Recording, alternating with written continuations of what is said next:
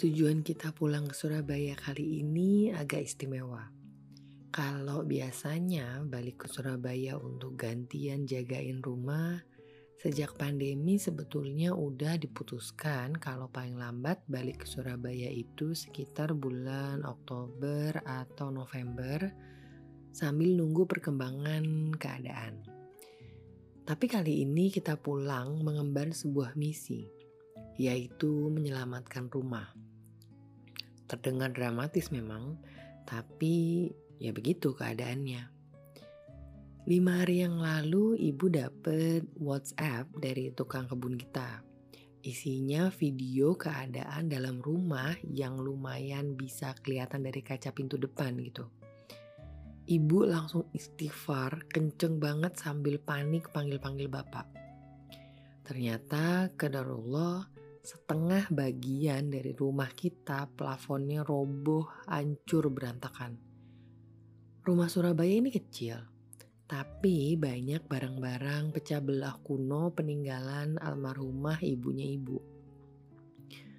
Bapak cuman bilang, aku es nganggit atau aku udah ngira gitu kalau bakal kayak gini. Si ibu sejak nerima video itu jadi lebih sering menghela nafas panjang gitu ya setiap malam, beberapa malam berikutnya. Aku cuma bisa bantu puk-puk ibu doang dan dengan agak sedikit berat hati mulai packing barang.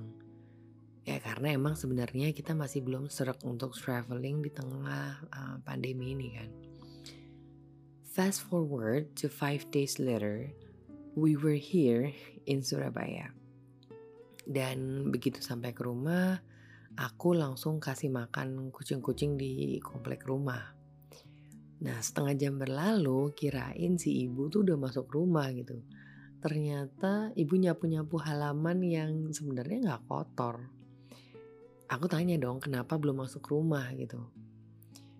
Ibu cuma bilang, ibu nggak mau masuk rumah, males lihat rumah yang berantakan katanya. lah terus mau sampai kapan nyapu-nyapu halaman terus?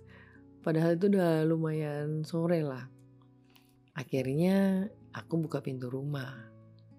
Well, the video didn't do it justice to the real condition. Alhamdulillah keadaannya lebih heboh daripada videonya. Sempat agak shock dan jiper juga sama apa yang aku lihat.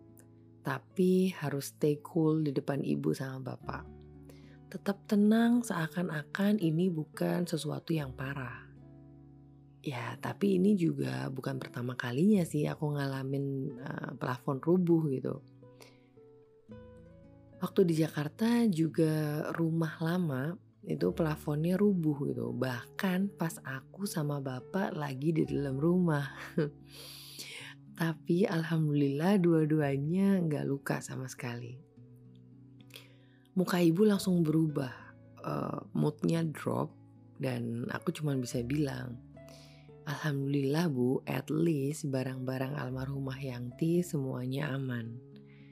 And forget about this for now.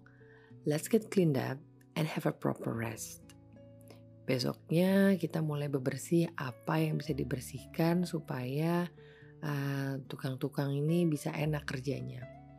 Karena aku sama sekali nggak menunjukkan reaksi apa-apa.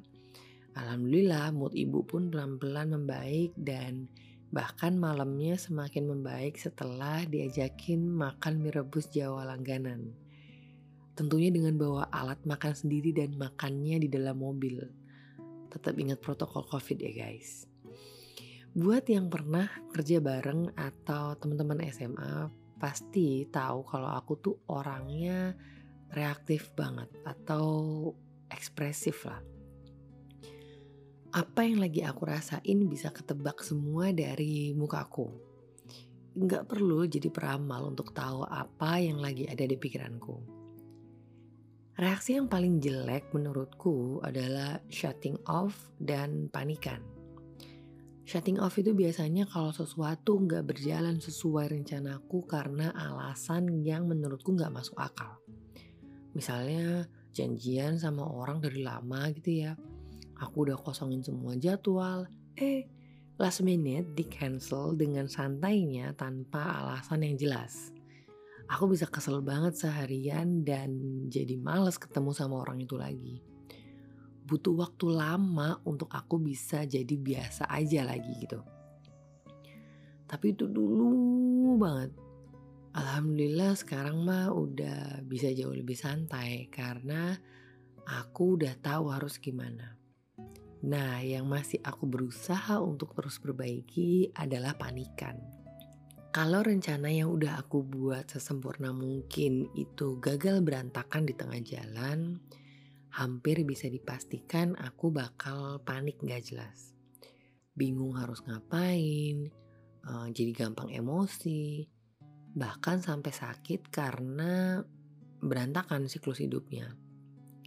Capek iya, masalah juga gak selesai. Malah makin berantakan karena aku gak bisa memproses semuanya dengan pikiran yang jernih. Awal tahun ini aku mikir, mau sampai kapan aku kayak gini terus gitu tapi mau berubah juga gak ngerti gimana caranya dan harus mulai dari mana. Kedarullah suatu hari dengerin kajian online-nya Ustadz Nuzul Zikri tentang kesabaran dan ujian hidup. Beliau bilang, ujian sebesar apa pun kalau tahu ilmunya pasti gak akan panik. Semua bisa dijalani dengan tenang, dengan sabar dan terus tawakal. Beliau mengibaratkan ujian fisika yang isinya cuma satu soal, itu bisa bikin kita panik kalau nggak tahu jawabannya. Tapi ujian fisika yang isinya 100 soal pun, kalau kita tahu semua jawabannya, pasti kita bakal tenang. Ini menarik banget buat aku pelan-pelan mulai cari ilmunya dan terus belajar. Aku sadar banget ilmuku masih nggak lebih dari seujung kuku kecil banget. But I also realize that I have to start somewhere. Jadi aku bikin tantangan ke diriku sendiri untuk nggak boleh panik dalam keadaan segenting atau seheboh apa pun. Tanggap dan taktis harus tetap, tapi panik sama sekali nggak boleh. Tahan.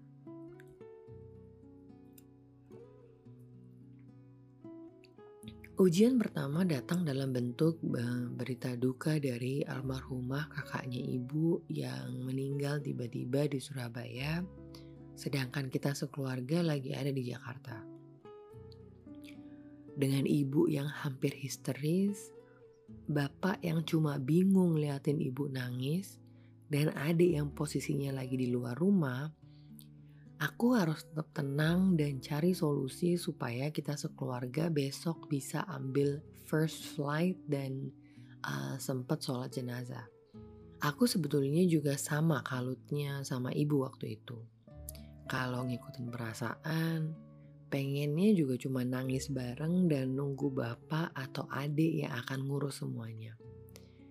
Tapi akhirnya malah jadi bikin cowok-cowok ini makin bingung menghadapi dua cewek yang shutting down. Jadi aku harus bisa fokus sama hal yang paling urgent saat itu yaitu gimana caranya untuk bisa secure first flight ke Surabaya besok paginya. La haula wa la quwata illa billah. Cuma itu yang bisa aku ucap. It wasn't easy, tapi alhamdulillah Allah kasih kekuatan untuk aku bisa nggak panik sama sekali. Terus sampai akhirnya kejadian plafon rumah ini roboh. Waktu ibu heboh lihat video yang dikirimin sama tukang kebun, sebenarnya aku juga speechless dan panik gitu gimana keadaan rumah dan berapa banyak barang yang rusak karena kejadian itu. Tapi aku coba untuk tahan. Mengucap istirja, istighfar dan la haula wala quwata illa billah. Tapi aku coba untuk istighfar. Terus mikir uh, berapa banyak pun barang yang rusak atau hancur berantakan Alhamdulillah nggak ada satupun dari kita yang sedang ada di sana waktu kejadian itu. Semua yang rusak insya Allah akan Allah beri ganti dengan yang lebih baik lagi. Lagi pula di tengah kesulitan ekonomi kayak gini, di suatu tempat di luar sana, mungkin ada keluarga yang rumah satu-satunya juga ambruk plafonnya, tapi sama sekali nggak punya uang untuk langsung diperbaiki. Sedangkan alhamdulillah Allah masih kasih Bapak rezeki yang lebih untuk bisa segera memperbaiki yang rusak. Jadi apa yang harus aku panikin? Apa yang harus aku sedihin? Malah akhirnya jadi malu banget kalau mau sekedar ngeluh sama Allah bakalan capek nanti beberes rumah. Well, what I'm trying to say is, Selama ini aku punya keinginan yang besar untuk menikah, untuk jadi seorang istri dan kalau Allah izinkan jadi seorang ibu. Tapi ilmu tentang pernikahan tuh ternyata masih nol besar.